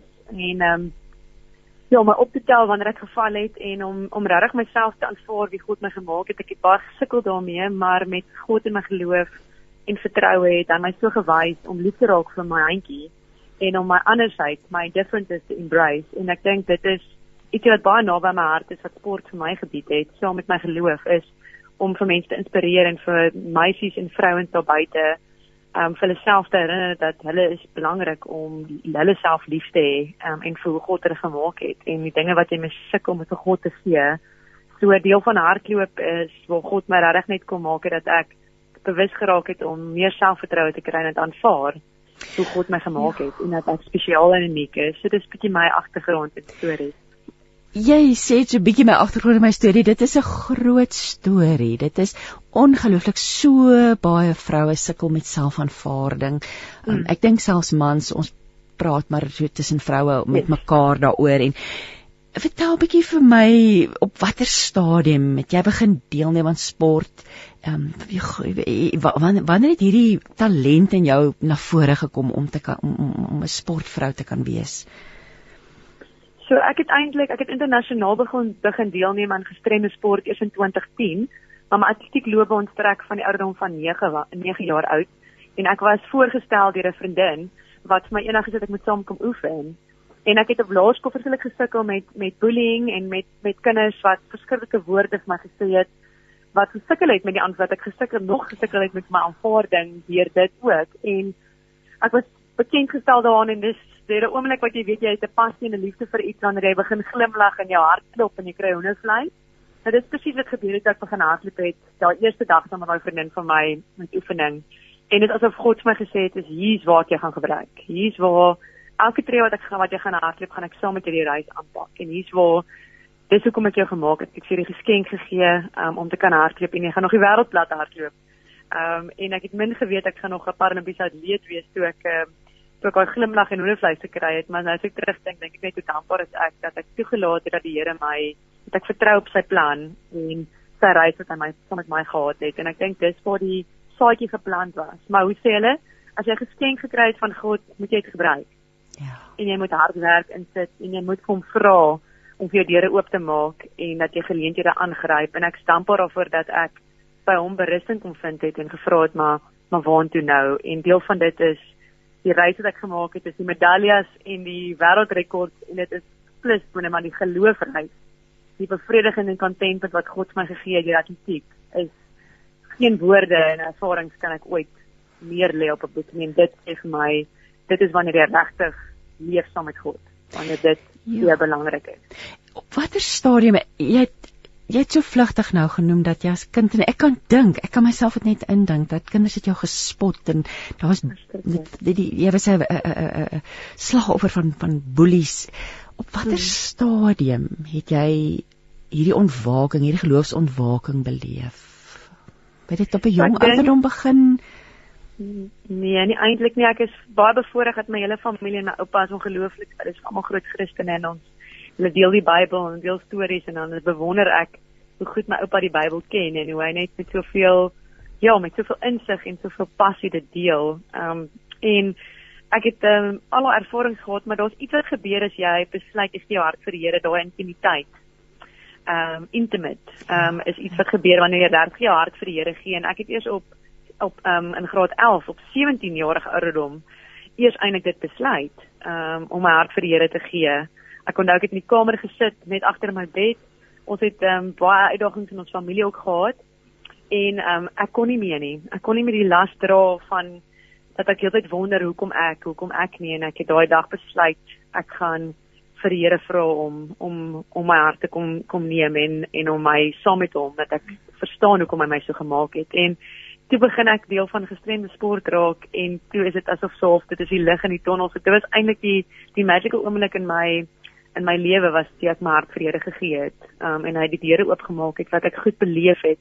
Want ek glo as jy intiem is met God, dan sien jy goed raak wat ander mense nie raak sien nie. Wat jy ervaar omdat God jou toelaat om dit te sien. Jou oë is swaar bietjie was blind daarvoor dit en jou klappe is af as jy jou hart vredig. Jy sien goed en jy beleef goed anders. Um, en dit is wat geloof en Christendom so ongelooflik maak. God laat jou ander goed ervaar. Ja, want mens kan nie hierdie wat mense nou ek wil net die Engelse woord gebruik. You can't fake this. As jy hierdie nee. ware vrede, hierdie wa, die vrede straal uit jou uit. Dit, dit, dit kom deur die oor die liggolwe na na ons luisteraars toe om te hoor, maar ja, wees my ja, intieme verhouding met God. Ja. Ja, jou authenticity. Ek weet dit is Afrikaanse woord, nie jou jou realness. Jou ja, jou uniekheid, jou egtheid, jou egtheid. Dit is die, die Afrikaanse woord. Kom ons praat 'n bietjie ek, ek struikelblokke. Hoe hanteer jy struikelblokke? Want die lewe is vol uitdagings vir ieder en um, elk, maar vir jou persoonlik, hoe hoe hanteer jy struikelblokke? Ehm um, verseker, ek dink al die luisteraars wat dalk inskakel, miskien is jy besig om om 'n challenge of 'n struikelblok te face. En ehm um, as ek emosioneel raak, jammer, ek is maar 'n bietjie my my trane is altyd maar op ah. my ek dra my trane baie maklik en ek het geleer dat dit is iets wat 'n mens laat wees, maar ek dink as jy struikelblok aanval deurgaan, dan sukkel jy soms om maar die goue randjie te sien en jy verstaan nie altyd hoekom nie, maar iets wat my nogals redelik help is hulle gesê dat 'n Christen gaan nie deur moeilike tye nie en dit is net dat jy nie alleen is deur die moeilike tye nie. Ek dink dis iets wat ek myself moet herinner ook aan gereeld. Maar die versie wat ek aan vashou Jeremiah 29 verse 11 For I know the plans I have for you, declares the Lord. Plans to prosper you and not to harm you. Plans to give you hope in a future. En als, as ek die rooi struikelblokke gaan en ek verstaan nie altyd nie, want ons is net mens. Mens verstaan nie hoekom mens partykeer dit goed gaan en ek verstaan nie altyd als nie en dan sou kom bring die Here net vir jou daai jy hoef nie alleen te dra nie. Hy kom saam met te dra en hy saam met jou deur dit en dit help my. So die wat dalk miskien ook 'n challenge en 'n uitdaging ook na ervaar, ek hoop dit kan 'n bietjie van daai daai hoop bring en daai rustigheid dat jy hoef nie die las alleen te dra nie. Ons hoef nie die las te dra nie. Ehm um, Jesus het vir ons gesterf aan die kruis vir ons sondes en hy dra die las vir ons. En is dit nie ongelooflik dat hy saam met ons deur die seer en die goed wil gaan nie. En dit is iets wat ek ook wil herinner aan daai struikelblokke maak jou sterker aan God en jou geloof. En wanneer jy iets ongelooflik in jou lewe ervaar, dan kan jy terugkyk en kyk hoe hoe God hierdie goed en die sleg saam met jou gereis het in dit. So dit is wat ek sal vir ander mense graag sou wil sê. Weet jy die woord berusting, jy het nou terwyl ek dit dink, gebruik ek die woord rustig, berusting, rustigheid, daai vrede wat net hmm. God kan gee. Um yes. voel of dit dit vir jou ook kosbaar is, dit 'n deel van jou lewe is. Kom ons praat 'n bietjie oor hierdie tema van I rise. Ek het ek, ons het, ons het nou al praat al van 9 uur net na 9 of 4 oor en dit is so kosbare tema. Yes oorwin en die beeld van hierdie arend wat vlieg. Um wat beteken I rise dan vir jou op 'n persoonlike vlak? Ja, my hartsbegeerte was altyd as kind en groot word is om 'n verskil te maak. En ek vir my is I rise dat ek gerise het beyond my disability. Ek het gestyg bo my gestremdheid. Ek het gekies dat en hy gaan een wees in my disability 0 dat dit gaan deel raak van wie ek is maar dit gaan nie my ownership vat nie dit gaan nie my oorneem nie. En dit is iets wat ek wil uitreik na mense toe ook is om om te kies. Jy kies dat jy bo jou omstandighede gaan uitreis en jy kies dat jy saam met groot gaan doen. So my grootste dryf en wat 'n voorreg is dit nie om saam met Spar die virtual challenge aan te pak in September en deel te wees van hulle ambassadeurs nie en te sien wat 'n ongelooflike vrouens hulle stories deel en hopelik maak dit soveel ander ook dat hulle hulle storie deel. En ons skryf dit in 'n boek in 'n journal daaroor om regtig jou challenges neer te skryf. Maar my hartsbegeerte is om vir die wêreld en Suid-Afrika meer te leer oor dis oor gestremdhede ja. en om mekaar te aanvaar en om die vrou wees en die eg wees mekaar raak te sien en nie mekaar te judge en te ehm um, ja en en en agteraf te praat en so nie maar regtig mekaar te celebrate en daar te wees mekaar se so, iRise is regtig 'n ongelooflike tema en die hashtag iRise is so mooi want ons almal het iets wat ons deur gaan. Ja. En ons almal moet rise above ietsie wat in ons lewe ons al terughou het of 'n challenge is. En hoe meer jy oor iets praat, hoe meer vorm genesing en hoe meer vrouens om mekaar kom, hoe meer mooier goed kan nou uitkom want dit is die voorbeeld wat ons vertel vir jong dames en vrouens wat groot word dat ons gaan saam staan en nie teen mekaar staan nie. Jy sê ook ons moet in die spieël kyk en ons moet onsself herinner dat ons pragtig is dat ons ja. goed genoeg is nê. Um hoekom dink jy ek bedoel dis 'n stryd wat jy gegaan het. Jy moes vir die Here vra hoekom het hoekom is ek so? Hoekom is ek so ja. gebore? Hoekom is ek so, wat wat wat was u doel geweest om my so te skep? Wat wil jy vir vrouens sê rondom aanvaarding van hulle liggame en liggaamsbeeld want dit is iets waarmee jy sekerlik 'n groot stryd gevoer het al in jou lewe soos jy dit reg genoem het. Ehm um, verseker, ek dink ehm um, toe ek groot geword het, het ek tydskrifte gesien en gewonder maar hoekom lyk ek nie so nie? Hoekom is my vel nie so nie? Hoekom lyk my hare nie so mooi vloeiend nie? My vel sproetjies op en hoekom het ek nie 'n handjie nie? En wanneer gaan ek 'n man kry want ek lyk soos die wêreld waar ek moet lyk nie? En dit is presies wat God kom doen het. Hy kom hy kom sê maar jy is nie dit is nie deel van die wêreld nie. Ek het jou geskaap en ons net een van jou en om jouself te herinner daaraan dat jy kan jou compare, jy kan nie jou vergelyk met hoe ander mense lyk nie. Dat jy moet liefraak vir jouself. So dit is 'n journey en dit is 'n soos ek sê dit is 'n 'n pad wat jy self moet stap met jouself om meer te lê die dinge wat jy mee sukkel. As jy in die spieël kyk en daar is goedjies wat jy nie van jouself dalk hou nie om vir God te vra om jou om dit vir jou te verander en dat jy raak sien hoe hoekom dit vir jou gegee het. Um want dit het my baie vrede begin gee as ek in die spieël gekyk het en ek het daai vrae gevra en nou as ek in die spieël kyk dan dink ek, "Oh wow, kyk hoe mooi is ek. Kyk hoe mooi is my sproetjies." Ek het altyd make-up gedra en onderdraag om dit toe te hou en God het net met my leer om ownership te vat en myself lief te hê. Want ander mense gaan dan ook vir my lief wees omdat ek in my eie vel gemaklik is. So ek dink almal se stories en se ervarings is uniek en anders, maar ek dink dit is 'n persoonlike reis wat jy op jouself saam met jouself moet gaan. Hulle sê altyd om alleen koffie drink is alleen, so maar ek dink jy altyd dit is so net my lewe. Ek is iemand wat baie lief is om by mense te wees. Maar daar is iets wat ook gebeur wanneer jy tyd met jouself spandeer met God. Ehm um, waar jy kan dit neerlê wat wat se dinge wat se dinge jy sien in die spieël wat jy nie wil sien nie en vir God te vra met om te draai. So dit is wat ek graag vir mense sal wil sê is is reis met jouself en saam met God en dat hy vir jou wys ehm um, dat jy anders kyk na jouself in die spieël. As ons kyk na jou opsette wonderlike loopbaan as 'n sportvrou, as 'n paralimpiese atleet.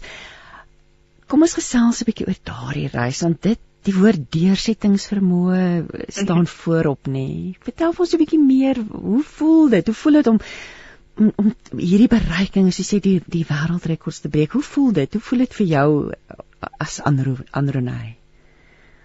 So, ek dink ehm um, die 11 jaar wat ek bevoorreg was om die sport te kan doen, ek het laas jaar ehm um, afgetree as Paralympiese atleet op die baan en ek was by 3 spele gewees en ehm um, die reis my 11 jaar wat ek moes gehad het wat deur moeilike beserings, tye wat jy nie wat jy COVID gehad het net voor die spele het ek COVID gehad vir die luisteraars wat dalk wonder en dit is weer is my genees. en ek was bevoorreg om goud terug te bring en daai goue medalje is net 'n eh, en die wêreldrekord en is dit 'n 'n herinnering vir my dat God altyd daar is met my in die moeilike en in die goed en in die sleg en om dit te celebrate en om te honor. So my 11 jaar wat ek deelgeneem het was reg om God te honor in alles en alles wat ek doen op die baan en van die baan af. En ehm um, dit is een van die goeders wat hoe sê hulle contentment. Ek dink die reis saam met God het my contentment gegee dat ek as ek as ek nou praat oor vir my sê hoe voel dit om om te kan hardloop en om by spelers te kan wees dan glimlag ek eintlik. Want wat 'n voorreg was dit nie om om my land te kon verteenwoordig om hoop te gee waar daar hoop nodig is nie en om regtig reël te wees um, vir jong meisies en vrouens en nie net altyd die prentjie wat op mooi is op Facebook en Instagram te post nie, maar ook daai moeilike tye te deel met mense. Ehm um, want dit is wanneer jy kan resonate, wanneer jy kan sien iemand anders gaan deur dit. So dit is 'n groot voorreg dat ek my land kon voorreg, maar die grootste voorreg is om dit saam met God die reis aan te pak. En ja. saam met hom elke reis hier te kan celebrate en om te kan honor. Kom ons praat 'n bietjie. Ek jy het 'n webwerf en jy sê jy het afgetrek. So ek klomp vrae wat ek gelyk nou wil vra. Ehm um, ek wil sommer dadelik vir ons luisteraars nooi om te gaan kyk. Uh, Dit's andronay.co.za as jy meer wil lees oor oor hierdie wonderlike vrou met wie ek nou gesels. Andronay, wat wa, so as jy waarmee hou jouself dan nou besig? Jy hardloop uit die aard van die saak nog vir vir vir die liefde van die saak, nê? Nee. Ehm um, wat wat wat wat is dit vir die toekoms vir jou inhou? Ag ek dink ehm um, die toekoms sê hulle ehm um, dit is 'n skoon bladsy en 'n nuwe plek. Ek het gewonder, ek was op 'n silent retreat laas jaar um, om die besluit te maak om klaar te maak en wat ongelooflik was by Stellenbos in, in ja. Stellenbos en dit is 'n 4 dae reis waar geen selfoon en net stilte en net die Heilige Gees en om antwoorde te kry oor ek was altyd ek het altyd nie vrees gehad nie, maar ek was onseker gaan ek God nog steeds beleef op ander plekke want atletiek en hardloop is 'n groot deel van my lewe. En op daai oomblik het God vir my gesê skryf neer alles wat ek vir gegee het in hierdie 11 jaar wat jy kan vashou aan. Dit is wat jy moet groet, maar ek is nooit jy gaan nooit alleen wees in jou volgende seisoen nie. Ek is altyd daar en net om te weet dat God in elke seisoen saam met ons is. So die nuwe seisoen is is 'n oop horison en ek het onderwys gestudeer en ehm um, daar's soveel geleenthede wat ek nou het wat ek 'n verskil kan maak en ek hoop en vertrou en bid maar net waar die Here my wil plaas. Ehm um, en waar hy my wil gebruik om my grootste droom is om regtig 'n verskil te maak in kinders en mense se lewens. Deur dit nou is met my storie of dit is deur sport of dit is deur ehm um, 'n nuwe uh, beroepsgeleenthede wat ek gaan kry, maar ek reg oop wat ek vertrou op die Here wat waar hy my wil gebruik um, om verskil te maak en as ek moet terugdink is dit contentment. Ek wil net voel as ek by die huis kom dat dit wat ek doen gee vir my daai bevrediging en dat ek 'n verskil maak um, met God saam met my in mense se lewens. En ek dink die ander droom wat ek ook het, ek dink baie mense as jy nou klaar 'n medalje en 'n wêreldrekord het, verander jou drome dalk en jy het nou nuwe goals wat jy self sit, maar ek dink die grootste droom wat 'n mens het as jy groot word is om 'n maat te wees, om ja. om 'n rol te kan speel van dit en men ja, om regtig net die Here te vertrou. Ehm um, en dit is iets wat ons op oomblik 'n struikelblok wat ons in ons lewens ervaar, so die wat dalk ook luister, wat dalk ook struikelblokke het. Ehm um, die Here is saam met jou en ek het gereeld word net herinner daaraan to trust in God, te vertrou op die Here want hy was saam met my. Ek gedink dit met COVID dat ek nie spele te kan gaan nie en hy het saam met my die resies aangepak en die 400 gehardloop en ek kon 'n goud terugbring wat eintlik onmoontlik was ja. en hy het dit moontlik gemaak. So net om regtig net te vertrou daarop. So die droom van my is eintlik net om 'n rol te wees van 'n ma, die versorger om te leer om daar te wees. Ehm um, en te weet dat dit is my my man saam wat ons geskep het uh met God. En ek dink dit is wat vir my wag. Maar hoe sê dit die ehm um, dit is 'n oop horison vir my en om regtig net elke geleentheid wat oopmaak te gebruik en te groei en na die Here se stem te luister. Ek is hoendervleis so terwyl jy praat. Nou hoe ja, hoe jy net regtig waar dis my so lekker om te hoor hoe jy die pad met die Here loop en hoe jy ander dan daardeur inspireer en ja en daai ding van seisoene nê God het God se tyd alles binne sy tyd. Hmm. Kom ons praat bietjie net weer oor hierdie die krag om bo omstandighede te kan uitstyg. Dit lê werklik binne in elkeen van ons nie waar nie, nê? Ja, verseker, definitief. Is daar skrif? Jy het nou gepraat van van van Jeremia. Dis 'n wonderlike skrif oor wat die Here ons toekoms in die hand so gepas ook vir al jou drome nou. Is daar nog skrif wat vir jou belangrik is? Ek dink as ek nou moet dit is ek dink die daai skrif het 'n baie naby um, aan my maar vir my is liedjies ook ongelooflike ja. 'n ongelooflike plek en daar's 'n liedjie um I want to be different I want to be changed um van um ek weet nie eers die ou se naam nou vir julle kry maar die liedjie het hy geskryf toe hy onsekerheid gehad het toe sy ma kanker gehad het en hulle huis oorstroom en sulke goeders en dit is eintlik net ek wil verander ek wil hê God moet my verander in wie hy wil hê ek moet wees en vir my is met Bybelversies en liedjies, ehm um, is dit so of asof God met my praat ook. So ja, vir my is dit 'n mens bietjie worship, ehm um, is wanneer ek nader aan die Here kom en daai liedjie het vir my baie mooi betekenis. Want as ons die Bybel Bybel lees, het ons vir elke elke Bybelversie praat anders, praat die Heilige Gees anders met jou en raak hy iets anders aan in jou hart wat hy vir jou wil sê en ek dink dit is ietsie wat dan jou inspireer om te gaan kyk na wat se woord wat se woord jy moet lees uit die woord uit um, wat jou kan help hierdie dinge. So ek dink daai is ietsie wat ietsie wat ek vasgehou het aan ehm um, die spele van die wêreld verwag jy met medaljes en wêreldrekords en al oh, die materialisme en ek sê dit is nie dis deel van wat God wil ons celebrate, maar daai liedjie het my net laat herinner dat God jy's genoeg. You're enough. Jy hoef nie 'n medalje of 'n wêreldrekord te wen nie. God is lief vir jou, maak nie saak wat nie. Ehm um, en ek dink dit was vir my 'n belangrike ding om terug te bring van my spele af in my reis Ehm um, want ek het 'n vyfde plek gemaak in die 200 en ek het nie die final gemaak in die 100 nie en hoe die wêreld net gery het oor daai goud. Ja. Maar nie wat nie eintlik gehoor het oor daai ander twee events nie en vir my was dit belangrik om die hele sametrek van dit te deel want God was in al drie daai wedlope saam met my.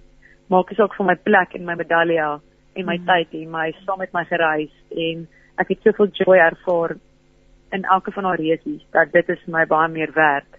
Ehm um, as dit so Jo. Ja, dit is wat ek kan vashou. Dit is my mooi dat jy sê dit gaan nie net oor die goud nie. Dit gaan nie net oor hmm. daai een spesifiek daai uitsonderlike prestasie nie, want daar's kere wat wat jy nie kon deelneem nie of daar's ook kere as jy sê wat jy nie eers die finaal gemaak het nie. Daar's tye wat ons verloor ook in die lewe, nê. Yes. En dis deel van dit ook, maar net om te weet dat jy God verwag nie van ons om hom iets te gee nie. Hmm. Hy's lief vir ons net soos ons is en is dit nie is dit nie ongelooflik nie. En, en en nou nou soos jy sê nou wat nou nou so met ander woorde ons perspektief God is altyd daar. Wat 'n wonderlike boodskap wat jy vandag vir ons gebring het Andronay. Ek sien die horlosie sê dit nou 3 minute voor 11, 11 uur word die nuus gelees en ag ek wil vir jou so dankie sê dat jy met ons gesels het en ek sê net vir 'n laaste gedagte, ehm um, wat doen gaan jy hardloop en waar gaan jy hardloop die 3 September? Ehm um, ja, so ek hoop al wat geluister het kry jou mense in jou community, jou sirkel en die vrouens wat naby jou is, ehm um, bymekaar en julle pak aan ehm um, ietsie wat ongelooflik is en julle deel julle challenges en julle deel julle hoe julle gerise het. Ehm um, ek is in Durban wil en ek ehm um, gaan by Glengarry begin met my 10 km roete reg so om ek weet jy of julle van die luisteraars dalk Durban wil area ken nie maar daar's 'n lekker roete wat jy so so omhardloop Suikerbossie op um al Mountain View en jy kom af by Hoërskool Stellenberg en dan maak jy sommer klaar en drink by Vida Cafe 'n lekker koffietjie. Um so as daar mense op die pad is die 3 September wat wil join, dis die roete wat ek gaan hardloop en ek hoop dat dit um, mense kry om te beweeg. Absoluut. Um, beweeg in die kapasiteit wat jy kan. Al stap jy, al ry jy fiets, al ehm um, ja, probeer net iets te doen, maar oefening is iets wat jy onder endorfine wat afskei die feit dat jy dit saam met mense kan doen. Ehm um, ja. en net jy kan weet jy gebruik jou gesondheid want dit is 'n groot geskenk om gesond te kan wees en te kan beweeg. Absoluut. Amen daarop. Andronay verskriklik dankie. Ek wil net vir ons luisteraars weer die detail gee. As jy wil deelneem van aan vanjaar se Spar um, Women's Challenge of die Afrikaans die virtuele wedloop vir vroue, kan jy gaan kyk by www.sparvirtualchallenge.co.za vir meer inligting en ja, ek wil jou uitnooi. Kom ons sê almal saam, I rise dogters en en en, en ja kinders van die Here dat ons dat ons uitstyg bo ons omstandighede deur die krag wat die Here vir ons gee. Anderonay seën vir jou, seën vir al jou drome. Mag die Here met jou wees soos wat hy nou is vir die res van jou dae en was regtig 'n voorreg om met jou te gesels vanoggend. Baie dankie Christine en dankie vir al die luisteraars en dankie vir jou en dankie dat jy die woord van die Here verkondig. Um, en ek maak hoop dat julle program so seën sal wees en dat daar soveel mense geraak sal word deur elke gesprek en deur elke liedjie en deur elke um, skripsie wat julle deel op die radiostasie. Ag, dankie vir daarvoor. En ja, liewe luisteraars, ek wil dankie sê vir Paul manne vir die tegniese versorging vir oggend. En ek groet jou in die naam van Jesus Christus en mag ja, mag hy met jou wees hierdie week en ons kuier weer volgende week saam hier op met hart en siel. Totsiens.